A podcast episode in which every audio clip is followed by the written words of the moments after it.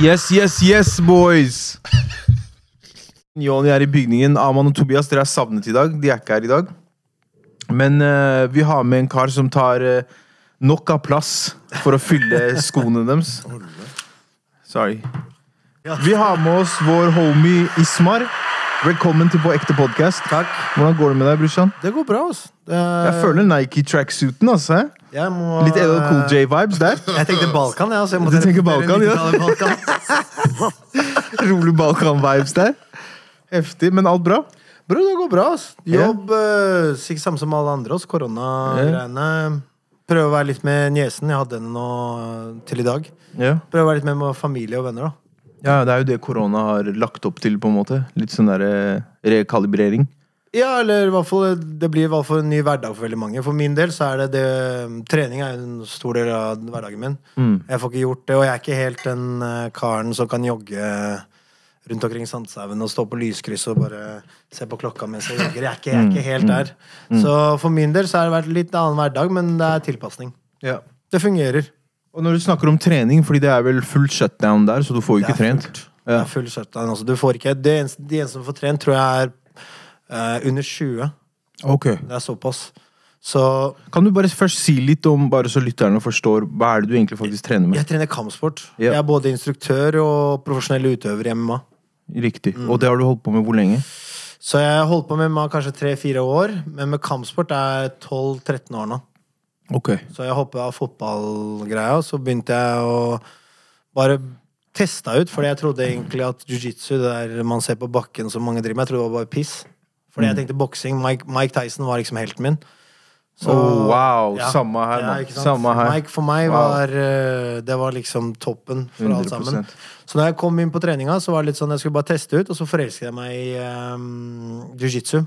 Altså morsomt er jeg starta det egentlig fordi jeg fikk juling av gamle treneren min. Han var 40 år og 65 kilo, og jeg var 110. Jeg var sånn Han vaska deg. Han vaska meg, altså. Shit. Og jeg tenkte sånn Hei, hvis jeg blir vaska av han, tenkte det hva som skjer på gata. Så jeg begynte å starte å trene Mm. Hvor gammel var du? Sorry. 20. 20. ok. Så jeg var, jeg var Da var jeg kanskje litt vill uh, på utelivet i Oslo. Uh, Ok. Men, men jeg, jeg hadde tenkt å trene for å kunne Jeg vet ikke, jeg vise meg mer frem uh, på byen, da. Men eh, det endte med at jeg endte med å krangle mye mindre på byen og dedikerte meg mer til kampsporten. da Så jeg fikk mye mer disiplin ut av det enn de andre sportsgrenene jeg har vært innom tidligere. Det er fotball, håndball, hva enn det er for noe. Så for meg så har det vært uh, blessing, men det har også vært uh, Ikke noe jeg angrer på, men, jeg, men jeg, jeg er takknemlig for at det traff meg såpass tidlig i livet, og ikke når jeg er 30 eller 35. Så jeg fikk primen min da jeg var 20 til 30, der jeg kunne utøve det jeg liker nå. Mm. Så det var chill. Så du har, og du har gått i kamper liksom, Ja, ja. profesjonelt nå?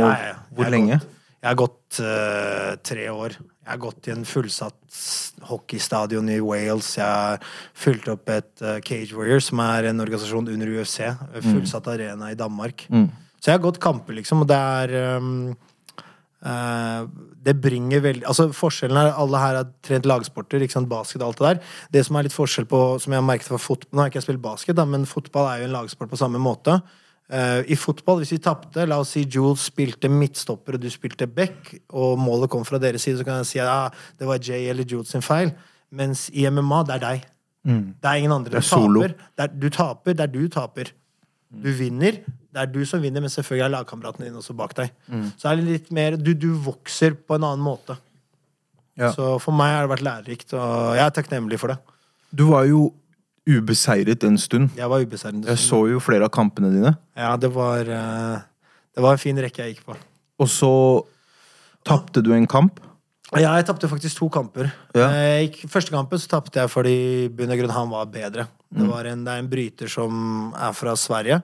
Og andre kampen tapte jeg egentlig. Det var min, det var min kamp. Altså, jeg tapte. Det er forskjell. altså En ting er at den andre personen er bedre, en ting er at du taper selve kampen. Og hele grunnen til det er jo at Eller hele grunnen til det er at jeg må øh, Jeg må akseptere at tiden min som jeg disponerer Jeg har ikke like mye tid å disponere som alle andre. Ikke sant? Så det å kunne være hele tida på, der hvor du jobber kanskje åtte til ti timer, samtidig ha annet ansvar, det blir vanskelig å altså, sjonglere alle de tingene opp i lufta. Da. Mm. Så Hvordan påvirka det deg å, å ha de to tapene? Ingenting. Altså, Og whatever, eller? Nei, det er ikke whatever. Det er liksom sånn at det setter ting i perspektiv, da. I forhold til hvor du er, hva du er. Men jeg har, jeg har alltid vært klar for både ja, Altså, en viktig del av min mentalitet er ta konsekvenser for ting jeg gjør. Om det er positivt eller negativt, så er det er meg. Jeg skylder ikke på noen andre. Jeg skylder ikke på andre ting. Jeg bare aksepterer at slik er det. Um, jeg skulle gjerne ønske altså Man kan sitte og dagdrømme og si at å, jeg skulle ønske jeg kunne trene såpass såpass mye, men da hadde jeg ikke hatt den jobben jeg har. Da hvor jeg er fornøyd. Da hadde jeg ikke hatt de pengene jeg har, de mulighetene å reise rundt omkring i verden det jeg har. Ikke sant? For du må forstå at det mange ser når de ser kampsport, de ser Floyd, de ser Connor. De ser ikke de der eh, Sånn som Hamzat, han nye tsjetsjeneren som har kommet opp i UFC.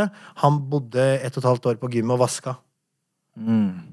Ikke sant? Han vaska gymmet. Ikke sant? Så det er liksom 18 måneder, og du skal, når du har fått smaken av penger, så skal du gå tilbake til den type ting. Ikke sant? Så det er vanskelig, altså, men jeg aksepterer altså, den, den situasjonen jeg er i, både rent sportslig og, og privat. Så den dynamikken fungerer for meg perfekt. Altså, det som skjer, skjer. Jeg yter det jeg kan. Går det ikke min vei, så er det altså, det er det det er. Jeg får ikke endret det. Jeg kan ikke sitte og dvele på Jeg kan forbedre noen av tingene som jeg har gjort tidligere, men jeg kan ikke sitte og dvele på avgjørelser eller konsekvenser av ting jeg har gjort tidligere, som har skjedd. da og det er ehm, Jeg husker ikke hvem som sa det, men, men å la sånne tanker bo gratis i hodet ditt, det er, eh, det er eh, Jeg tror det er selvdestruktivt. Ja, ja, Så det holder. 100% Du nevnte jo um, Connor og Floyd. Mm. Uh, det var jo en match nå med Logan Paul versus NBA-spilleren Nate Robinson. Ja. Tidligere NBA-spiller Nate Robinson. Riktig, riktig, riktig. Hvor han fikk grisehjuling. Og han gikk i bakken i hvert fall et par ganger. Ja, gikk, Så jeg bare lurer på liksom, hva, først, først og fremst, hva syns du om den type oppsett av match mellom to mennesker som ikke er boksere i det hele tatt, og går i ringen på proft nivå, på en måte, men de er jo ikke profesjonelle. Hva syns du om det? Jeg syns at altså Først og fremst, så uansett hvem som stepper inn i et bur eller ring, så har jeg respekt for den personen. For det krever. For Ja. det er altså Krever mye mot. Ikke bare mot, men du, hvis, hvis du noen ganger altså, sier til meg som har lyst til å gå på MMA-event, så kommer du med meg, så skal det lukte hvordan det lukter i den hallen, fordi folk er så nervøse. Du vet, det er, du, du, du, er, du skjelver, du, du har ikke appetitt, ting går ut av kroppen. Folk er nervøse, du skal bli slått. Det er ikke ehm, Du nevnte noe i stad, Shannon Sharp sa du, you don't play boxing. Og det er sant, altså. Fordi vi kan, jeg du kan i NBA, vi kan gå til to kamper inn og ut sammen med hverandre, og det er fortsatt basket til syvende og siste. Men det å bli slått, det at du har i baktanken at hei, jeg skal, jeg skal slå deg um, Jeg, jeg syns det krever respekt. Og, og for sporten i seg selv så syns jeg det er fantastisk, fordi det bringer inn et nytt publikum. Mm. Så jeg synes Det det, jeg, sånn basketballspillere som kanskje ikke var helt inn på boksingen, det bringer dem inn og ser på boksing. Youtubere. Folk som kanskje kodder eller ser på pranks på YouTube. Plutselig, altså KSI og han andre, Logan Paul eller broren hans, det bringer masse folk inn. Og så kanskje de får en annen person de får sett på. Samme som Connor. Connor altså Jeg er ikke fan av Connor som et menneske, men det han har gjort for sporten vår, det er for meg helt fantastisk. Fordi jeg vet ikke, en Gjertrud på 50 har hørt om Connor. Kanskje hun blir forelska i Habib etterpå. Så skape mer eksponering og ta, hente mer oppmerksomhet i sporten, og det liker du. 100%. Hva syns du om selve matchen? For det ble jo en memefest ut av det. Altså øh, Det var en slagfest. Altså, Ja. Rent teknisk så var det ikke altså, Men han Logan virker som han kan slåss. da Han har faktisk trent Han har bra. trent, han han er i god form, og han, du ser han, han Ja, kan han bokse, trent, liksom. Han har gjort litt boksing fra før da. Ja, men Så er altså, litt sånn her, han, du, du, vet, du må sette deg inn i det. Det er ikke bare bare, altså. Nei, nei. Det er, du vet, når du starter på kampsport, så tenker du sånn Som alle her tenker vi kan bryte, eksempel. Eller vi kan gjøre visse ting. Så møter du en som kan faktisk Eller gjort det i et år. Eller et og et halvt år. Dag inn, dag ut. Så merker du at hei, jeg kan ikke shit. Sånn som hva heter, hva heter Roger Mayweather, måtte han hvile i fred. Han sa Mm. 'most people don't know shit about boxing'. Og det er sant, altså. Fordi det er, boksing ser simpel ut, skal bare slå framover. Men det er en dynamikk, det er sweet science. Ja. Jeg husker Mike Tyson sa det for ikke så lenge siden på podkasten hans, Hatboxing Podcast, som jeg elsker. Um, har du sett på den? Jeg har sett på den. Ja. Uh, hvor han sa at liksom Anyone can die in the ring at any moment. Så det er sånn at du faktisk kan dø. Det er sant. Og det, igjen da, så det er, det når du snakker om disse menneskene ja, De er ikke boksere, men det at du tør å gå inn i ringen med de konsekvensene Der, liksom Ja, og så tror jeg litt sånn um, jeg, jeg tror ikke noen av de hadde Altså, det å dø, det, ja, det kan, det er et ordtak, altså, alle kan dø, altså, men du kan dø i basketballkamp også. Du kan falle og, snu Ja, ja, og brekke nakken. Altså, sannsynligheten er der, men, men det er det at hjernen begynner å leke med deg. Hva skal skje? Mm. Fordi, fordi du begynner å forutsette visse situasjoner. Å, Mm. hva hvis han slår meg sånn der? Hvordan skal kona mi reagere? Hvordan skal gutta på nabolaget reagere? Har du tenkt det når du har vært i match selv? Jeg har, jeg har eh, Det her høres veldig arrogant ut. Jeg har Null frykt? aldri Nei, ikke null frykt. Jeg har aldri forutsett meg selv eh, tape.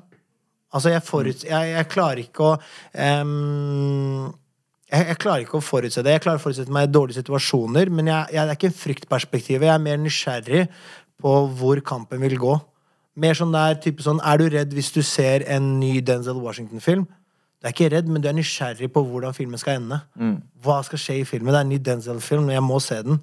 Hva er handlingen? Hvordan skal Denzel sin karakter fremstå? Hvordan skal dynamikken være? Hva, skal, hva er det som skal skje? Så det er liksom det er Hendelsesforløpet er mye oppi hodet, men fryktene er ikke der. Det er liksom, Du soner litt ut også. Så det er litt sånn øh, Jeg har mer frykt. Nå har jeg blitt instruktør. Og når jeg sjekker pulsen min før kampene mine, så jeg, jeg har ikke hvilepuls, men jeg er ikke langt over hvilepulsen. Men for eksempel hvis Jules var en av studentene mine og skulle gå kamp, pulsen min er oppe i 160. Fordi jeg kan ikke gjøre noe for å hjelpe han. Ikke sant? Han må, han må gå inn selv. Han må gå inn selv og gjøre det jeg har lært han til å gjøre. Da, da er jeg nervøs. Da er jeg frykt. Men for meg selv så har jeg aldri det. For du har mer tillit og tro til dine ferdigheter og din, det du har preppa, din trening og Ikke det, men jeg vet ikke hva er det verste som kan skje, tenker jeg. Altså, du må huske Jeg kom hit fra en borgerkrig. Jeg har gjort øh, Jeg har vært i visse situasjoner når jeg har vokst opp her i Oslo. Og jeg tenker sånn Det ikke Det skremmer meg ikke. Ja. Det er andre ting som skremmer meg mer. Snakke foran 5000 mennesker kan skremme meg. Være artist, sånn som du var, det skremmer meg. Å være dømt, for eksempel, da. Eh, Jeg vet at det jeg gjør, gjør jeg. Det er ingen som kan dømme meg på det. Du kan putte ut verdens beste skive, som du syns, og du kan vise til meg, så jeg kan si det er dritt. Du kan bli dømt av mennesker hele tida rundt. Og du må legge frem noe som er så subjektivt. Min sport er ikke subjektiv. Enten jeg vinner eller du vinner. That's it. Og jeg må også um, overleve den kritikken og tilbakemeldingen som jeg kanskje ikke liker, og ikke miste en, en eneste step, og ikke miste en dråpe av selvtillit. Jeg må fortsette, jeg må fortsette, jeg må fortsette. Du kan liksom ikke la det stoppe deg. Det er det du dealer med hele tida, da. Men det er kanskje annerledes i den Ja, sporten bare du det, snakker om. jeg har, jeg har for eksempel, du har en til syvende og sist Altså, tilbakemeldinger for meg, da vet jeg ikke om personer kjenner meg, eller hvordan jeg har fremstått som person, men de har ikke vært negative. Både i seier og tap. De har aldri vært negative. Men til syvende og siste, da, så er det litt sånn Det er såpass brutalt at eh, hvis jeg og Jules kunne snakket sammen, så kunne jeg Jeg har et S i kortet mitt. Alle som driver med cancer, har gjort det gå inn i ringen, du. Mm. Hvis du har så mye å si, gå inn i ringen. Ja, ja. det, det, men det er sånn samme ting jeg Ja. ville sagt. Ja. Hvis folk sier til meg ah, rappinga di er trash, få høre da, kompis. Ja, men, men, sånn. men, men så er poenget, poenget er at alle kan gå på wax og putte på noe. Det trenger ikke å være like bra som ditt. Det, det er en subjektiv mening. Skjønner du hva jeg mener? Det at du har heftig spa, og du blir dømt, det er en veldig subjektiv mening i den forstand. Det å gå inn i ringen er en fysisk handling om å gjøre det. Ja, ja, jeg ser Ja. den. Jeg ser Så, den. så det- som er jeg, jeg føler at dere er modigere artister generelt, spesielt musikkartister, er modigere enn meg. Fordi jeg hadde aldri Jeg vet ikke, jeg hadde aldri hatt motet til å gå og bli dømt på noe jeg vet er bra. Og jeg vet ikke om jeg hadde tålt kritikken hvis det hadde kommet. Det er Ja, det er mange som sliter med det. Det er mange store superstjerner som har vært etablerte artister i 20 år, som ikke klarer å deale med det. Ja, jeg- Som, som lar det knekke dem når de hører liksom at 'Å, du likte ikke siste albumet mitt'. 'Å, shit, nå har jeg holdt på i 15 år. Hvis ikke du liker det nå, da kan karrieren min være over'. Det gir deg panikkanfall, og det vil utspille seg i neste prosjektet ditt. Hvor du lager neste prosjektet ut av usikkerhet og frykt. Av at du tenker at shit, hvis ikke folk fucker med det her, så er det game over. Så det, det også er sånn som du sa i stad, når du går inn i ringen, du tenker på ting, du begynner å overtenke. Hvordan skal det her utspille seg? Og da vil folk høre det i kunsten. Du kan ikke lure folk. Det det. De vil høre at du har overtenkt her, eller du Det er det, det er det. Derfor jeg syns det er litt øh, Jeg vet ikke, modig også. Så er det litt sånn der Peers også. Jeg vet ikke om Du vet, Noen ganger når du har rappkollegaer, så er det ikke sånn at jeg føler Nå har jeg følt med på rap helt siden Smack DVD. Smrekk. Smrekk! Ja, ja. Nei, vi er gamle. Vi er gamle. Smack var smack. DVD. Så jeg har fulgt med på det, og du vet I ringen Jeg kan aldri si Uansett det som går i ringen, jeg kan aldri si jeg ikke respekterer den mannen. Men noen rappere i noen musikksjangere De kan virkelig mene, virker det som for meg, som at musikken er trash. Mm. jeg mener? Ja. Jeg vet at jeg får respekt av de som er, driver med det samme som meg, pga. det jeg Ja, gjør. ja, ja. Fordi de deler sentimentet. Men det er ikke alltid det i, i og da blir man mer Og usikker. det, jeg tror forskjellen også i rap-greia er at det skjedde en evolusjon i hiphop, hvor før, back in the day, Smack DVD-era og selvfølgelig 90-tallet golden era, liksom, da var det sånn nei, nei, vi kan måle hvem som er dope og ikke. Skillsa dine, metaphors, wordplay, måten du strukturerer Men er det en evolusjon, dine da? Er det en evolusjon da, hvis det har gått fra noe Det er kanskje ikke en evolusjon, men det har skjedd i hvert fall en endring. Hvor Ja, nå, nå så er det ikke noe sånn det er ikke noe sånn, Du kan være trash, og det er cool så lenge du har personlighet og du frem, altså, og at du legger det frem riktig. da, At du bare markedsfører deg, du har lilla hår, du, du har masse antics. Så driter folk i skillsa dine for den sjangeren der. da, Så da kommer en subsjanger som på en måte hvor det er akseptert. Det handler ikke om skills. Og, så jeg tror det er der det er forskjellen, Men for 15-20 år siden så var det ikke sånn. Det var sånn, nei, nei, Du må være lyricist, du må være dope. Men, men tror du det er Tror det er um, Nå, er jeg ikke artist selv, da. Jeg, henger no, jeg har møtt noen artister i det siste. Tror det er mer artistene selv som velger, eller er fansen som ikke klarer å relatere til lenger? For eksempel Som dere- velger hva? Hva mener du? Som at fansen ikke klarer å relatere til noen av tekstene som kommer ut lenger. De har ikke lyst til å høre Talib Kwali. De har ikke lyst til å høre Jo, jo, ja, ja, ja, De har ikke lyst til å høre på det lenger. For eksempel, dere hadde mest sannsynlig han jeg mener er beste lyricisten her på showet sist gang. Jonas Benjob. Mm. For meg. For meg, jeg syns ordspillet hans og hvordan man setter opp doble betydninger på ting Mm. Han er fantastisk. Shout out til Jonas. 100 Men det, det, det, var, det var en ting jeg snakka med han om, akkurat det der. At fortell greia di og legg det frem, men gjør det på en underholdende måte. Og jeg tror det er der mange feiler. At de, de pakker det inn feil. Så det blir tungt å fordøye, og da blir folk sånn, vet du hva, hverdagen min nå er så crazy at når jeg kommer for å høre på musikk, jeg vil koble av, jeg vil ikke koble på. Jeg, vil, jeg vil bare escape. Så hvis du snakker om tunge ting da, som jeg sliter, som jeg ikke har lyst til å deale med, og som jeg kanskje ikke har modighet til å deale med, så vil jeg ikke høre på det. Det er ikke fordi det er dårlig, det er fordi jeg ikke klarer å face det du snakker om. Men, men tror du det er emnet som er tungt, eller er strukturen? For eksempel, jeg Begge hørte, deler. jeg hørte det er en eller annen rapper som en, en, en jeg bodde med tidligere, Erik Visma, heter Ian, Ian W. I Mellow. Vet du hva han er? Yep, yep, jepp. Bro, han synger om å Han forklarer en drapshistorie. Ja, ja. Og det her er, det her er banger! Det her blir spilt! 20-åringer spiller det. Kill man. De, de spiller dette. Det er et tungt tema, altså. Ja, ja. Men det er, strukturen på det er veldig melodisk i forhold til ørene deres. I må måten du Ja. presenterer på, det var det jeg mente. At det er måten du pakker det inn på, legger det frem på og presenterer det til verden, er det som endrer det. Og så, når du snakker om Jonas, så han trenger ikke å gå helt den routen, men hvis han kan applye litt av den teknikken i sin egen musikk, og fortsatt fortsette å være lyrical og, og fortelle storyen sin, men bare presentere det på en ny måte, så tror jeg han kan fange et langt større publikum. der- spørsmålet er hvor lenge man har integritet til å fortsette med den type struktur som man har i dag, kontra å tenke 'hei, jeg må tjene pengene'. Og når, Ja, ja. På et visst tidspunkt tenker man at 'hei, den M&M-formulaen min, den fungerer ikke'. Jeg må begynne å gjøre noe annet. Jeg må begynne å selge ut for å selge inn. Der tror jeg man kommer inn på et annet tema som jeg preacher til døden, og tror folk blør ut av ørene, for jeg snakker så mye om det. Eierskap og independent. da. Å være independent og ha eierskap til jobben din, så du sitter igjen med mer. Istedenfor å gå til et selskap, gi fra deg rettighetene dine. Som er sånn, ikke sant? Vi hadde jo en sak med Karpe også, eh, hvor de kjøpte tilbake masterne sine, og du ser hele tiden viktigheten av det. Det ligger noe bak det, at folk er villige til å putte opp flere millioner all, masse penger for å kjøpe det tilbake, fordi at det er så viktig. Så når du snakker om det, da kommer du i en posisjon hvor du ikke føler på det presset lenger. For nei, nei, jeg eier verket mitt, så jeg har den friheten. Men, men hvis det verket ditt ikke har noe verdi den dagen du selger det La oss si du lager Vi lager en gruppe. Vi er nye NWA. Vi lager gruppe, det selger ikke shit. Vi får, vi får tilbud om at hei, du får 500, du får 500. Alle får sin leilighet. Er det feil av oss å selge da masterne våre? For å ha mulighet til å være et vanlig liv? Nei, det er det ikke. Nei, det er det. Du må gjøre det du må. Og, der, og det er den, den Du må gjøre det du må. Det er spørsmålet hvor lenge Hvis jeg kunne rappe sånn som Jonas eller Hiwa eller, eller, eller noen av disse andre lyricistene vi har i Norge Hvis jeg kunne fortsatt, hvor lenge hadde jeg klart at lomma ikke er tung nok? At jeg ikke har nok å bruke. Ja, og jeg tror det, jeg tror det, Det er kommer på, jeg tror det kommer på liksom teamet du har rundt deg, avgjørelsene du tar langs veien, og at du sørger for at det er kalkulert, og at du er strategisk med hvordan du beveger deg i karrieren din. En ting jeg har sagt veldig mye til Hiwa, er sånn Jeg er dønn ærlig mann. Jeg er hans hardeste kritikk, critic, liksom. Og jeg har sagt til han yo, du må liveshowet ditt må steppe opp ekstremt.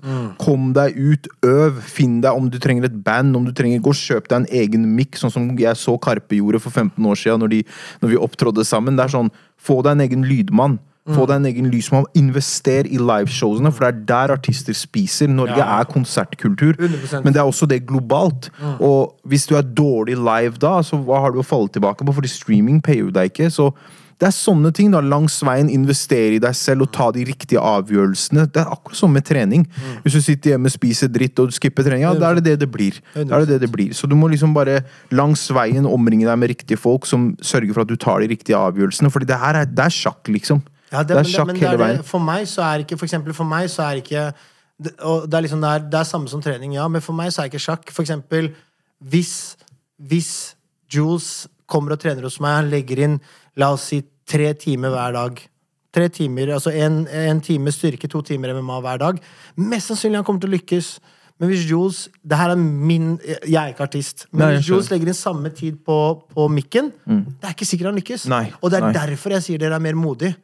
Jeg vet at sannsynligheten for at det jeg legger inn, får jeg tilbake i det jeg driver med. Ja, ja. Nei, sånn er det ikke i rap. Du er helt og riktig. Det, og det er det riktig. som skremmer meg når jeg snakker med dere. Og, og, dere, når jeg snakker med Du har jo vært en artist også, som jeg vokste Ja. opp med. Men når jeg snakker med artister, så er det litt sånn likegyldig til det. For meg så er det skremmende tanke. Tenk deg hvis jeg legger inn 1000 timer i noe, jeg får ikke shit tilbake. Men det var det jeg ville frem til når jeg sa det der med strategisk Ja. og taktisk, er at du må lære deg Se bare én ting jeg alltid sier.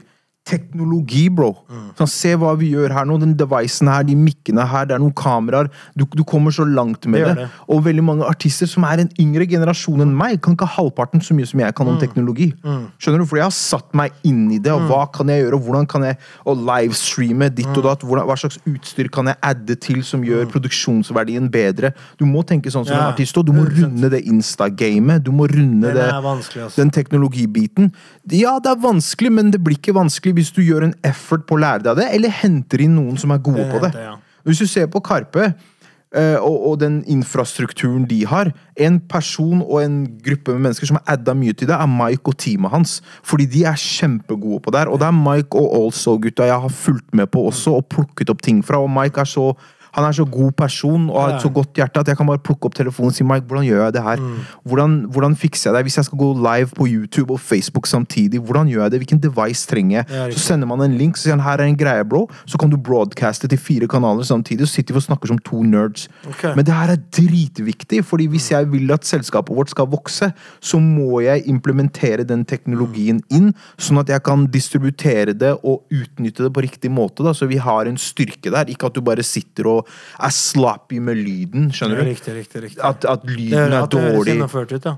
Skjønner du? Så er- der, det for artister er dritverdifullt. Hvis du slacker på de tingene, det er som å skippe trening, det. ja men så det, visste, jeg, jeg, det er det jeg ikke vet. det. Jeg, jeg, Så det er det jeg håper, det, jeg håper artister som ser på det her, om det er noen av de som ser på det, at de forstår det. At de, kan du ikke teknologien selv, finn noen som kan det. Søk hjelp, ja. Du må runde det gamet. For alt trener. handler om Insta. Det er der du oppdager artister om dagen. Det er sånn, faen, Jeg oppdager flere av de der enn jeg gjør på Spotify og Jeg spør mennesker, jeg. Spør om spillelister på Spotify. Ja, Min? Spotify-liste er 50 Cent, Get Rich or Die All day, every day. Ja. All day. På vei til jobb, snakke finans, putte på patient. Ja. Men uh, i stad så sa du en ting om um, Vi prata om det her med fighting-kultur og ditt og datt, og hvor du kom fra, og det der at du ikke har frykt og sånn. På grunn av omstendigheten der du kom fra, for du er jo bosner. Um, er det noe med bosnisk kultur og oppveksten din der som har gjort at du ville bli fighter, eller var det bare personlige utfordringer du hadde i oppveksten som gjorde at du gikk den veien? Uh, jeg kan si sånn her, da. Um, I byen der hvor Leo Ajkic er fra, jeg tror det er Mostar, så har de en statue av Bruce Lee. Okay. Uh, fighting eh, for oss er uh, eh, Vi er veldig godt utdannet og alt det der, men hos menn så er det et eller annet med at hvis du er litt sånn mannemann, i den forstand at det er kanskje, det er kanskje litt gammeldags den Det var dit jeg ville. Ja, men det er litt den der man, man er litt sånn der ikke, kanskje, kanskje ikke primitiv, men det er liksom kunne håndtere seg selv som en mann, da, sånn som de anser. da Fordi veldig mange konflikter kan og, Eller kan Eller løses veldig mange på, på det fysiske, da. Ikke sant? Og da Jeg vet ikke om man Jeg vet ikke om det er kulturen, men det er litt sånn Vi har et ordtak som veldig mange slavere har. Det er 'ne mane mog'. Og dette her sier jeg til niesen min. 'Nemane mog' betyr Det heter ikke noe 'jeg kan ikke'. Enten du vil ikke, eller så gjør du det. Det er ikke noe midt mellom. Og det hører jeg Jeg har hørt det siden jeg var to år gammel. Niesen min er tre og et halvt, og hun blir fire. Hun har sikkert hørt det fra siden hun to. Jeg kan ikke ta på meg Jeg klarer ikke å komme opp sklien, onkel. Jeg klarer ikke å ta på meg buksene. Da hører du 'nemane mog'. Enten gjør du det, eller så gjør du det ikke. Det er ikke noe midt mellom. Du aksepterer ikke at du ikke kan. Ikke sant? Du lærer deg det. Hvis du, selvfølgelig, hun kan ikke Hvis jeg ber henne regne ut det er ikke noe som jeg forventer hun kan. Nei, jeg forstår. jeg forstår. Ikke sant? Og jeg tror at vi har um, Litt på grunn av der hvor jeg henter Jeg henter ofte inspirasjon. Jeg ser jo på mange mennesker at dere, Man kan hente inspirasjon fra Alan Iverson, man kan hente inspirasjon fra Kobe og alt det der. Min inspirasjon var alltid mennesker rundt meg. Og, og jeg hentet ut ting, ting for meg som gjorde det umulig for meg å klage på. Foreldrene mine kom som asylsøkere med to, to kofferter. Eh, det var aldri rom for meg å si til dem Hei, det her går ikke. Jeg, eller, eller å klage.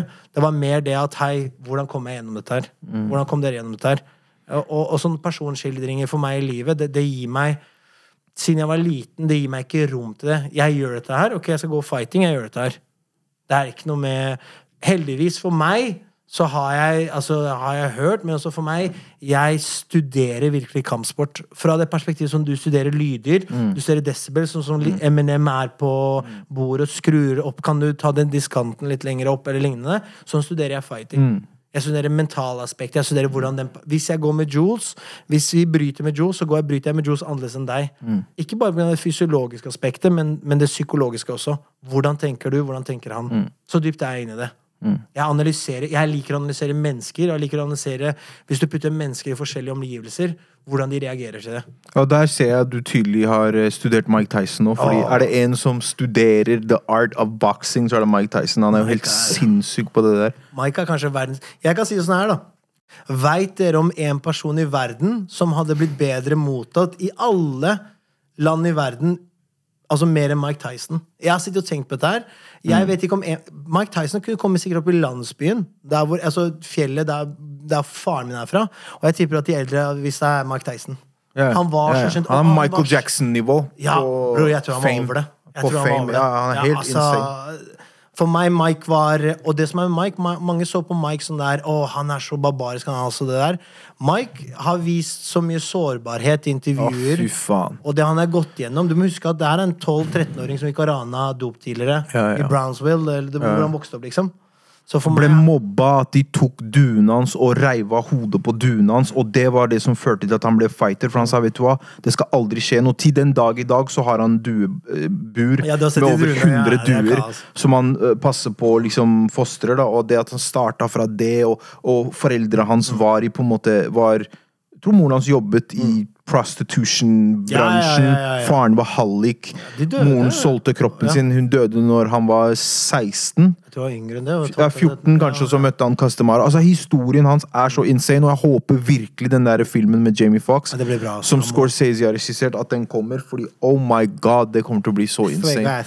Swear God, man. Jeg elsker Mike Tyson. Men jeg tror det, det som appellerer mest meg, meg, til Mike mest, er at Mike snakker rett fra leveren. Og det er det, det er det du sier, det at han viser så mye sårbarhet, og at han bare er så ærlig om ting, og ting som alle tenker, men som ingen har baller til er å det, si. det er det, og der jeg tror det, det er liksom den her Han sier det som det er, og du vet For meg, jeg, jeg, jeg, jeg hater løgnere. Jeg hater uærlighet. Hvis du ikke liker meg Altså, mye av problematikken som vi har her, jeg liker ikke jeg, altså, For eksempel, vi diskuterte eh, rasisme med noen venner. Og jeg sa jeg er mer komfortabel Og jeg har hatt et tilfelle tidligere der hvor folk har sagt i ansiktet mitt at de ikke liker meg, på grunn hvor enn jeg er fra. Jeg aksepterer det. Ok, greit. Jeg, Gud putter meg ikke på denne jord for at jeg skal bli likt av alle.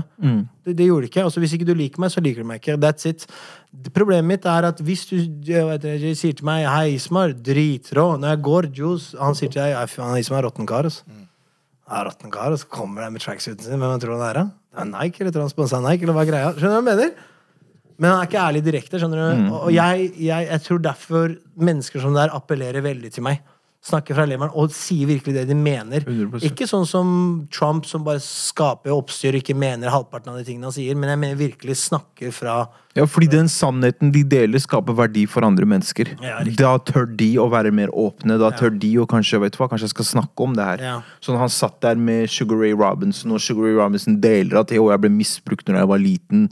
Og Mike også alluder til det, at han også ble det. At liksom sånn, Den sårbarheten gjør at mennesker kanskje tenker at vet du hva, kanskje jeg også skal dele sannheten min. Om de eh, trenger å være på en podkast, Men men med kanskje sine egne. Med Men- mennesker men de er trygge på. Men det er røft. Altså, du må tenke på baddest man on the planet. Kanskje Ja, ja. uh, Ray Robinson, kanskje den beste noensinne. Ja, ja. Sitter her og sier det der. Det er, det er røft. Altså. Det, er, det krever Det krever mye styrke. ass. Det jeg vet, ikke jeg vet ikke om styrke er mentalt fortitude. Jeg vet ikke hva man kan putte i, men det krever, altså. Mm. Og jeg har gjort eh, Det har vært tilfeller der hvor jeg har vært rundt mennesker, sånn som Jarl, gamle treneren til, eh, til eh, Jules. Der hvor jeg sitter og gråter foran Jarl. Og Thomas som satt her. Og også gråter på noe som har skjedd med meg. Jeg sitter og gråter med Thomas også. Kjære til Thomas Ble. ja, ass. Ehm, og det er liksom Det er de menneskene jeg Tilbake til inspirasjon. Det er de menneskene der Der hvor jeg kan være såpass åpen med det. Jeg vet at kritikken, jeg vet at uh, tingene de sier, kommer rett fra leveren. Og derfor, handlingene de gjør, jeg vet hva de baserer seg på. Ikke sant? Mange ser til eksempel Drake, da, hva han har oppnådd. Jeg vet ikke hva bakgrunnen til Drake er for å kunne gjøre det han gjør. Jeg vet ikke hvordan han er som et menneske. Jeg vet for eksempel, ta Thomas for eksempel, jeg har sagt det til Thomas også, Thomas er inspirasjon for meg på grunn av de som kjenner Thomas, vet han har gått gjennom en del ting de siste årene. Og måten han har kommet ut på det Ikke, ikke bare han har kommet ut, men måten han har kommet ut på det. Det sa jeg til han sist gang vi møttes. Det er, det er virkelig sånn du Hvis du ser det, og jeg, jeg liker Altså, jeg, når jeg tar meg et steg tilbake og ser på det, så er det inspirerende for meg i den forstand at det gir meg styrke. For det er et menneske jeg kjenner. Altså, jeg har, jeg har Du har sett journeyen langs veien. jeg har sittet og grått med Thomas, men jeg har sittet også ledd så tårene kom. Så jeg har sittet og grått da hvor det er dårlige tårer, og ledd så det er bra tårer. Ikke sant? Det her er liksom som familie og familie. Vi har sittet fem på morgenen og spilt UFC og dissa hverandre. Det her er virkelig en jeg ser opp til. Og når jeg ser det han har gjort, og måten han har gjort det på, jeg vet alt som står bak det For meg, jeg finner styrke i sånne ting. Ja, ja, 100%. Og, fordi det fikk meg til å tenke på at når du sier det å være sårbar foran vennene dine og sånn For jeg, jeg lurte på det når vi skulle snakke med deg, om, liksom, om fighting-kultur og det der å være fighter har hatt noen påvirkning på det å vise sårbarhet. Sårbar for meg altså, jeg, jeg finner ikke noe sårbart i fysisk eh, handling. Det at hvis vi, sier du slåss eller ting skjer, om det har vært problemer La oss si at du skulle krangle, og det var utenom fighting det skulle vært, For meg så er det ikke noe Det er ikke noe emosjonelt bak det som kan være, som kan være Fordi jeg føler meg så kapabel til å eh, reagere på uansett hvilke problemer som kommer opp, at det er ikke der jeg er sårbar. Jeg er sårbar på ting som ikke jeg klarer å styre. La oss si vi mister en venn. Jeg mista noen venner. Jeg var deprimert. Jeg visste ikke hvordan jeg skulle handle de følelsene. Jeg er, jeg er maktesløs. Jeg får ikke gjort noe. Jeg satt på, to uker på rad på Sandsheimparken for meg selv på benken og bare satt og tenkte for meg selv. Ikke sant? Jeg, jeg vet ikke hva jeg skal gjøre. Det hjelper ikke at jeg banker noen. Jeg får Nei, ikke de kompisene tilbake. Ikke sant? Jeg vet ikke hva jeg skal gjøre. Jeg vet ikke hva jeg skal gjøre i visse Når jeg, når jeg, var, når jeg var ung når jeg, en, Tidlig når jeg kom til Eller når jeg har vært i Norge en liten stund, jeg møtte Jarl, og jeg hadde kjærlighetssorg og snakka med Jarl. Jeg visste ikke om jeg skulle behandle disse følelsene her. Hvis du hadde sagt til meg at kjærlighetssorg er en person For du har ikke kontroll over det. det sånn, Hadde du sagt at øh, kjærlighetssorg er en person, en fysisk person, gå mm. bank han. Ikke noe problem. Jeg fikser det. Men det er ikke en ting som jeg kan røre fysisk. Det er emosjonelt, og der sliter jeg. Ja. Derfor har jeg hatt gode venner rundt meg som har hjulpet meg rundt det. Og det er forskjellige måter. Noen har familiegreier, noen har kjærlighetssorg, noen har jeg har mistet noen, noen er situasjoner jeg ikke klarer å komme meg ut av. Og, og det er virk, veldig viktig å, å analysere Kanskje det hørtes litt feil ut, men analysere vennskapet til noen og se virkelig hvem som tar seg tid til deg. da Putter dine behov ofte foran tenker hei, jeg må være for karen her nå. Ja, det er, det er jævlig viktig blant liksom, oss som er minoriteter også. Og, og, fordi vi, vi, vi ser jo, opplever og ser ting på en litt annen måte. Det er ikke det at vi har det noe verre eller noe bedre. Det er bare vi har en annen experience. Og jeg tror det er veldig viktig at vi oss imellom at vi, at vi er flinke da, til å uttrykke de tingene og, og Jeg, jeg Og, og snakke om det, og bare si fra om det hvis det er noe som, som virkelig påvirker deg. Ja, jeg kan si sånn. Negativt. Jeg tror, vi har, jeg tror vi som utlendinger Altså, mange Jarl er norsk, men Jarl er utenlandsk, som alle vet. Ja, ja. Jeg tror vi er knyttet opp mot eh, hendelser mer emosjonelt enn veldig mange andre. Altså noen av kulturene du sammenligner med. Så tror jeg at vi er knyttet opp ting vi opplever, så opplever vi det mye mer emosjonelt. Det er ikke bare logikk hele tida. Ja. Um, jeg vil snakke om en ting som uh, Det her med at uh, vi med fler, flerkulturell bakgrunn kanskje egentlig er mer privilegerte, da.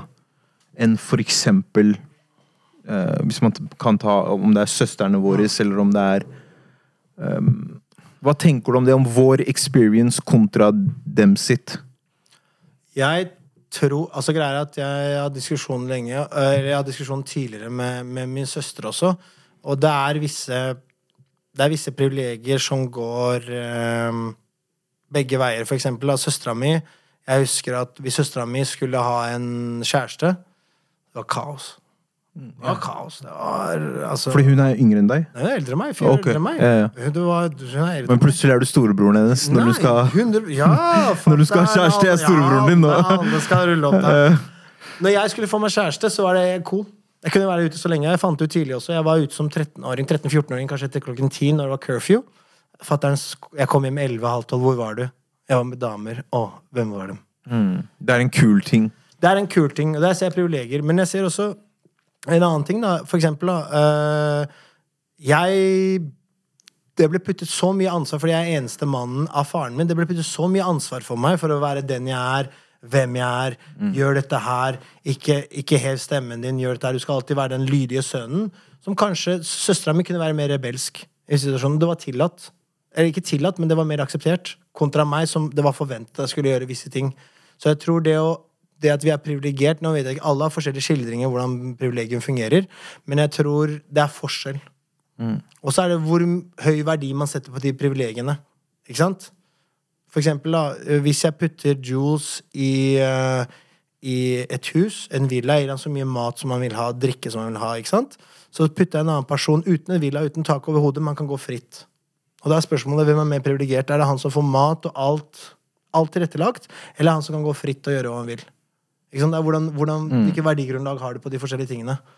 Så det er vanskelig, det er vanskelig ting å svare på. Og, og, og, og, putt, og for at jeg skal putte meg i søsteren min sin sko eller en annen kvinne sin sko, er litt vanskelig for meg. Men, men, men jeg ser selvfølgelig noen privilegier går min vei, sånn som jeg ser på det. Jeg ser noen ting som kanskje ikke alle kvinner i utenlandske familier har. Som jeg tenker sånn, Hadde det skjedd meg, så hadde jeg aldri giddet på det. Jeg bare sitter og hører, for mye av, det du, mye av de tingene du sier nå, ja. det treffer virkelig. Det er jævlig bra å høre på. Sånn, jeg, det er derfor jeg bare sitter her stille og Ikke noe tar det til meg. Ikke noe særlig. Det går først ut. Sapir! Hvor er, hvor er brillene? Hvor er det. Hvor er brillene? Hvor er det Hvordan er det dere to egentlig kjenner hverandre? Jeg vet ikke om du nevnte det i stad. Han, eh, Barnesønnen min Jarl Jarl er eh, siden jeg var 13. Ok, det var via Jarl. ja, så så Ah, jeg han, okay. så så jeg han at eh, jeg bare, Han bare Du vet, personligheten hans falt i smak. Jeg sa til han tidligere i dag, han var litt sånn timid. Men jeg så liksom hva Hvilken godhet som bor i han. Mm. Han møter deg aldri. Du er Jules. Om jeg hadde vært fattig tigger Om jeg hadde vært fattig tigger Ubetydelig, og Jules kunne vært og festa med Kanye. Jules kunne komme og gitt meg klem. Han hadde gitt deg mat og sagt 'Sapis'! Sapus! Men Ja, poenget, nei, jeg poenget- mitt er der, der, der, og det er liksom der, det er noen folk du ser det hos, som du Jeg er litt eldre enn han, så du, du han begynner å appellere. Fy faen, altså, de treningene. Mm, ja. Ah, shit, jeg husker Han fikk uh, Sunn til å begynne å spy og sånn. Mm, Jeg sitter der, jeg ser Sunn spy, jeg tenker alle Og det er sånn, når han ser deg spy sånn for han ser typ den, Det er ikke weakness, men en viss type weakness. Han, han skal kjøre deg enda hardere. Så jeg så den, jeg tenkte Olle, jeg merker jeg må spy. Jeg bare Jeg holder den inne, han sier Juice, går det bra? Men, men du Altså, vet, det det for meg, for, meg, det er, for meg så er det det at du klarer å pushe deg selv til å spy Altså, har, Hvis du har spydd noen ganger av trening Jeg har spydd av trening, ja, det er sikkert dere også. Hvis du klarer å pushe deg selv til å spy for en trener for meg, da, sånn som jeg er vant til å trene, det er sånn der Hei, det er Dedication. positivt. Hei, det er dedication. Fordi jeg ser, hvis du er i bra form Du trenger ikke å For eksempel, la oss si det, han er i mye bedre form enn deg, og du spyr, du har fått en pluss i boka. Han har ikke fått det ennå. For han skal pushe seg selv enda lenger. Han skal ikke pushe seg på dine begrensninger. Om du løfter 100 kilo, han løfter 100 også, men jeg vet det bor 200 i han. Putt på 200. Ja, ja. Spy, han spyr, du spyr. Mm. skal gråte, han skal gråte. Skal gråte sammen. Så skrik dere enda mer. Ismar liker spy og gråting. Det er etablert i dag. Bryte deg ned for å bygge deg opp. De tingene han gjorde mot oss, den frykten vi hadde når Ismar skulle komme på treninger. Å, fy faen, ass. Det er sånn Jarl kunne bare lure oss og si yo, uh, i dag det er trening, vi skal spille basketball. Vi kommer dit, alle sammen er klare, tatt på seg sko. De ser Isma komme inn, folk ah, faen, altså, alle! Altså, I dag For du visste du skulle pusha hardt. ikke sant? Men du sitter her noen ganger sånn Fordi noen ganger han kan komme bare for chiller'n med Jarl. Og du sitter der på basketballbanen, du ser sånn Alle, hva skjer nå? skjønner du? Så plutselig han kan gjøre sånn Han kan bare gjøre for skram, så han kan reise seg. gå ned. Du blir nervøs med en gang. Ja, ja, så Det var, ja, det var syke tider. Fy faen. Ja, det var, bra. ass. Det var, var kult, det var kult det laget dere hadde. Det var også jævla kult. Det var bra, bra stemning i det også. De, lu- de lurte oss til på en Bislett-trening, faktisk. De sa yo, Bislett sa det. Jeg skjønner ikke hvordan vi trodde på Nei, det. hør da, han De sa her, her. jeg skulle trene Jarls lag i sommer. Bro, jeg kommer til Jarls lag. Jeg, ser, jeg kjenner ikke noen av gutta. Det er yngre gutter. Jeg hilser på alle sammen, og det er, det er chill. Jeg sier liksom hei, hvor er Rush? Hvor er Jules? Så han viser meg meldingene.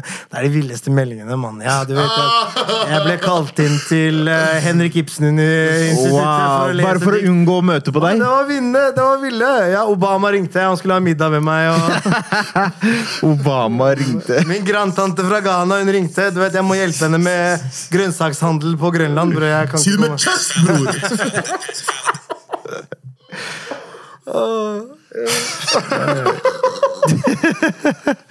Jeg tror ikke du vet den frykten jeg hørte på Ismail-treninger. Nei, altså. Alle, altså. Men det er det. det er, Trenger å bli piska iblant. Det er ja, viktig. men det er det. Det er bare weakness. Altså, greia for meg er Du vet øh, De visste ikke hva de var I mine øyne, de visste ikke hva de var kapable til. Jeg visste hva som bodde Spesielt han. Han er bygd sånn som meg. skjønner du? Han er bygd sånn her Jeg vet hva som bor i han. Få det ut. Det er kanskje røft. Det gjør vondt. Ja, ja. Du har ikke lyst, men du må. Du må ha disiplin til å fortsette. Og når det, når det fungerer, når han begynner å bampe og være liksom baby shack der! Ja, ja. Men bro, vi har snakka om en annen ting som uh, jeg syns er jævlig interessant, som jeg har lyst til å snakke om. Og vi snakka jo litt i stad om rapper og, og, og den biten der, og, og det er liksom det om Er kunstnere, eller spesielt rappere, da, er de ansvarlige for på en måte innvirkningen som det, altså kunsten deres og det de lager, om hvilken innvirkning det kan ha på de som fordøyer det? Ja, sånn, ja. Det trenger ikke bare være rappere, det kan også være andre som, som gjør kreative ting, men spesielt rappere da er vel det som er mest relevant for oss. Jeg kan si eh, både ja og nei. Eh, ja i den forstand at du må vite alltid altså For eksempel, da. Jeg kan gi eksempel da. Har du noen yngre barn i familien? Noen fra kusiner eller fettere eller lignende? Har, har Nieser og Nieser, ja, sånn, ja, ja. ja. Har du merka at du kan ikke banne foran dem? De sier ikke bann foran dem, for barna plukker det opp. ja, of course. Samme er med rappere. ikke sant? Så rappere appellerer De er jo lokale idoler for veldig mange i miljøet, så de appellerer til det. Men grunnen til at jeg sier både ja og nei, er at ja, du kan holde dem til en standard, men da må vi begynne å holde mange andre ting til den standarden også. Politikere.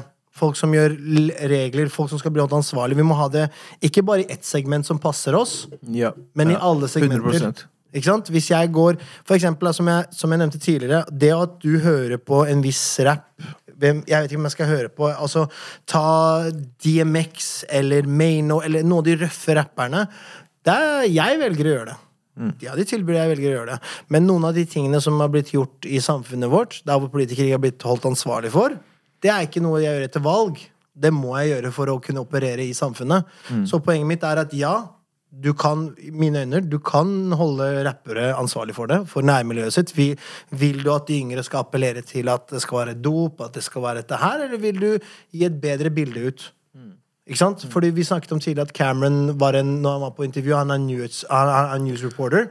Ja, det er forskjellig, du kan behandle forskjellige bilder. Jeg kan, jeg kan fortelle deg om min, min tid i Bosnia under krigen. Jeg kan si at hei, det sprang en mann rett foran meg, jeg så ledd overalt, vi ble skutt på. Men jeg kan også fortelle at hei, jeg hadde den beste tiden med bestemoren min. Det er hvordan jeg velger å skildre mine opplevelser. Ja. Hva jeg velger å dele med deg. Ja. Det kan jeg bli alt ansvarlig for. Men det å si at dette her segmentet her, det er det vi skal holde ansvarlig for alt sammen, det er ikke riktig. Da må vi se på alle andre ting også. Hvilken segment er det som påvirker ungdommen nå til dags? Er det film? Er det utelivet? Er det regler? Er det det å søke jobb? Hvorfor, hvorfor føler så mange at For eksempel, jeg kan si at jeg hadde en opplevelse da jeg var 20. Jeg var ferdig med utdannelsen min. Ni måneder. Jeg ble ikke, jeg ble ikke kalt inn på en intervju. Jeg vet ikke hvor mange søknader jeg sendte ut. Jeg sitter med faren min. Eh, jeg sier til han jeg har lyst til å skifte navn. Og det er en vanskelig samtale å ta opp med faren min. For faren, Selvfølgelig. for faren min Det er mye stolthet i det. Ja, sånn der, hei, du heter Ismar Blago, du er derifra, du er død. Og så sier han til meg, det går greit. Og jeg vet faren min er luring. Mm. Ikke sant? Så sier jeg, han bare, hvilket navn tenkte du? Jeg sier Thomas eller Daniel. Tenker det. Han bare, ja, han bare, han bare ja, Så sier han, ja, hvorfor har du lyst til å gjøre det? Så sier han, jeg har lyst til å finne jobb. Og jeg sliter med det. Han bare, ja, heftig, heftig, heftig. Liksom, super. Det er det vi sier. Super. Så tenker jeg sånn, det her er for lett. Har du merka noen ganger du ble beita? Du, bare, du yeah, går i en felle. Yeah, yeah. Så, så stiller han meg et er spørsmål. taktisk. Så stiller han meg et spørsmål er, Og det her er om integritet. Hvorfor søke en jobb der hvor de ikke gir intervju basert på navnet ditt? Hvorfor vil du jobbe for et sånt selskap? Men det her, det valget jeg hadde der, det var ikke noe jeg valgte. Det var noe som Det er en del av samfunnet. Det er ingen som blir holdt ansvarlig for det. Det at jeg valgte å høre på Park eller DMX eller Lil Wayne, det er mitt valg. Det kan jeg stå for. Ja, ja. Men det at jeg ikke klarer å komme inn på et intervju Jeg klarer ikke å snakke med arbeidsgiveren min engang. Det er ikke opp til meg. Hvem blir holdt ansvarlig for det? Ja, ikke sant. Og hvor stor påvirkning har rappen? Altså, jeg ville tro at hvis du gir alle segmenter i samfunnet, kvinner, menn, hva, hva, hva enn det måtte være, svart, hvit, gul altså hva enn det måtte være, Hvis du gir dem samme mulighet, så tror jeg påvirkningskraften fra de andre tingene vil være mye mindre. Jeg tror ikke rappere Hvis alle vet på Furuset, sånn som når vi vokste opp Kanskje nå også, nå vet jeg ikke, jeg kan miste litt kontakten med det, men sånn som når vi vokste opp at de visste at de hadde samme mulighet til å kunne få jobb som alle andre steder i Oslo. Det har kanskje ikke appellert dem like mye å gå B- eller A-veien. Skjønner du hva jeg mener? Eller å være rappere, eller, eller å gjøre disse tingene her. For jeg har sagt at hei, vet du hva, jeg kan faktisk gå skole, jeg kan faktisk få den jobben her. Jeg stilles likt med alle andre personer. Men underbevisstheten dem sa at vet du hva, det her, selv om jeg grinder, jeg får ikke de samme mulighetene. Jeg må gjøre dette her. Da begynner den, den, den BMW-en å appellere mer. Rolex-klokka begynner å appellere mer. Andre ting begynner å appellere mer. Og er derfor jeg sier at ja, du kan holde rappere ansvarlig for tingene der, men da må du se hva som ligger bak det. Hvorfor skal vi holde kun det segmentet? Ja, fordi det, det blir jo liksom sånn som det du snakka om med jobbintervjuer og det med politikere og, og sånn, sånn, med underholdningsdelen av det, så blir det litt annerledes, som du sier. Fordi da er det sånn ene ansvaret ligger hos lytteren. Som du sa, du velger å lytte. Du velger å høre på de artistene. Så du er jo ansvarlig for ditt eget liv og valgene du tar. Og, og rapperen og artisten er ansvarlig for hva han velger å snakke om. Han er ansvarlig for hva han velger å putte der ute, men vi som lyttere da er ansvarlig for hva vi velger å fordøye. Men, men da er spørsmålet mitt er Siden denne type rappmusikk er veldig populært, spesielt Altså, det er blitt verdensfenomen, men veldig mye av rappen som kommer ut, er ofte litt sånn, sånn som man er eh, Altså, tar virksomhetsrapper De kommer fra drabantbyer, så det må stille spørsmålet hvorfor appellerer det så mye i drabantbyene? Hvorfor appellerte så mye, mye av tingene vi hørte på, til oss? Fordi, fordi de dokumenterer ting som vi relaterer til, og det er det som faktisk skjer i samfunnet. Men da er spørsmålet mitt er Er feilen da at rappen appellerer Er det feilen at noen lager noe som appellerer til oss, eller er feilen at det appellerer i det hele tatt?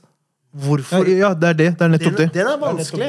Og, og, og, og det at, det at eksempel Juice lager en sang som appellerer til meg og deg, det er ikke problemet. Men jeg tenker problemet er mer heller hvorfor appellerer til oss, og ikke hele. Ja, ja, ja, ja, ja, ja. Og der, derfor syns jeg at det er, ikke noe, det er ikke nødvendigvis feil at de rapperne velger å snakke om disse tingene. Fordi hvis de ikke snakker om det, så er det ingenting som blir belyst på veien heller. De belyser det for De er de eneste menneskene som det publikummet lytter til. De hører ikke på politikere. Så når de hører den rapperen snakke om det Ja, han sier mye bullshit på veien, men han nevner også at, at det her er omstendighetene, det her er sånn det er, som forhåpentligvis kan føre til en bevisstgjøring hos deg som lytter. Hvor du da kan spørre de spørsmålene. Hvorfor appellerer dette til meg? Hvorfor er omstendighetene sånn her? Og, og da blir du bevisst på det, og så kan du gå enda dypere i det og finne ut av hvordan man kan løse det. Men jeg tror det største problemet mitt med rappere er, det er glorifiseringen av det. Jeg har for eksempel to sanger som er ganske dystre. Du har Talib Kali med Just To Get By. Husker du den? Ja, ja, ja. og så har du uh, Anthony Hamilton med Coming Where I'm From. Ja, ja. Det er røffe historier som blir fortalt i det her, men det er ikke noe glorifisering Nei, nei. ved tingene som skjer.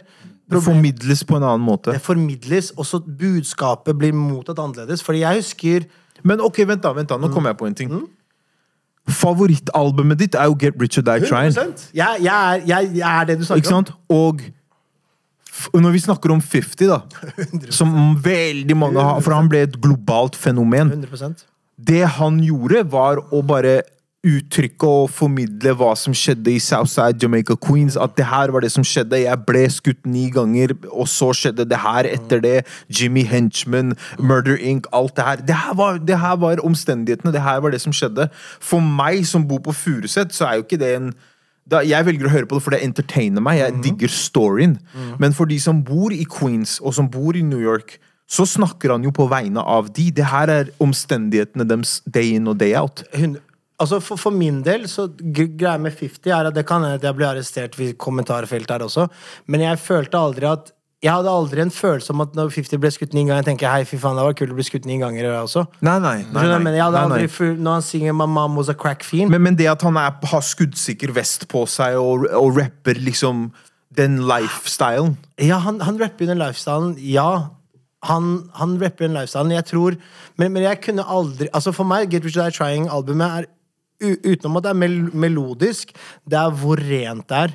Det er, det er hvor rent i den forstand at det som blir pratet om, er ikke svada. Det er, Det er uten filter. ja, ikke sant? Og du ser med en gang når Altså 50 Jeg har ikke sett han tilbake i hooden. Han flyttet jo kjapt ut igjen. Altså Hvis du ser hele bildet, hvordan, hvordan den artisten maler, så, så tenker jeg at øhm, han trekker seg ut av det miljøet han er i. Nå er det kanskje vanskelig for en 13-åring når jeg hørte Get Rich or Trying, fordi jeg må huske at når vi krangla med mennesker, den Heat-sangen Husker du Heat? Ja, ja. Nå, den beefen. Ja. Den appellerte til akkurat tankegangen da hvor jeg var. I visse situasjoner hvor jeg krangla med mennesker. Ja, Den appellerte ja. direkte til det. Ja. Men jeg, jeg er fanget på det samme også. Jeg tenker sånn, hvorfor, hvorfor når jeg ser tilbake altså i retroperspektiv Det er fortsatt favorittalbumet mitt, det kommer ikke til å endres. Men jeg tenker sånn, hvorfor appellerte det så mye til meg? Hvorfor, jeg, jeg var, solgte ikke kilo med kokain. Jeg var, du vet, jeg mener, det, hvorfor appellerte det til meg? Og det er der jeg tror med, Når det gjelder spesielt hiphop-kultur, jeg føler at noen ganger så kan publikummet være litt sånn uansvarlige når de sier at ja, men dere har et ansvar, og dere må ikke snakke om ditt og datt. Men du har jo også et ansvar om å bruke intelligensen din på å applye den informasjonen du får, på riktig måte. At du ikke nødvendigvis går og blir drug dealer og killer, men heller se på ambisjonen til 50. Se på drivet hans. At han tok det der. Ok, jeg markedsfører meg sånn her, men så bygger jeg videre på det og til noe annet. Ta heller det ut av det, enn å ta ut av det at hvis noen skyter meg, skal jeg skyte dem tilbake. Eh, derimot kommer det kritikk fra mennesker angående viss eh, type ting du gjør, så kan ikke du stille deg helt sånn her Nei, det er ikke sant. Vi velger å glorifisere en viss livsstil, og det viser seg å få gå en feil retning. Noen kan si hei, jeg gjorde ingenting. Jeg mener at utenom rappen, som jeg sa tidligere, så burde flere segmenter i samfunnet bli holdt ansvarlig for det.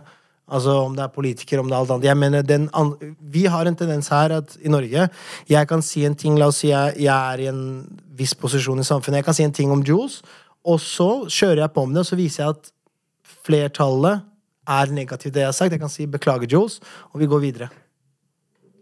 Det er, vi går videre, det er bare en ny dag. Ehm, takk til gjesten vår, Ismar. Nei, det var dritkult å komme, ass. Det var hyggelig. Du Nei, må komme var, tilbake. eh, det var dritkult å komme, ass. Du er, du er morsom å diskutere med. Så takk til deg. Takk for at du kom. Takk til alle som lytter. Subscribe til oss på YouTube. Følg oss på Insta. Yes. Og følg med videre, fordi de tingene som skal skje fremover, kommer til å bli jævlig spennende. Kan det være Så sånn stay tuned til podkasten vår. Dette er På ekte podkast, and we out. Jeg håper du skulle være så amazing.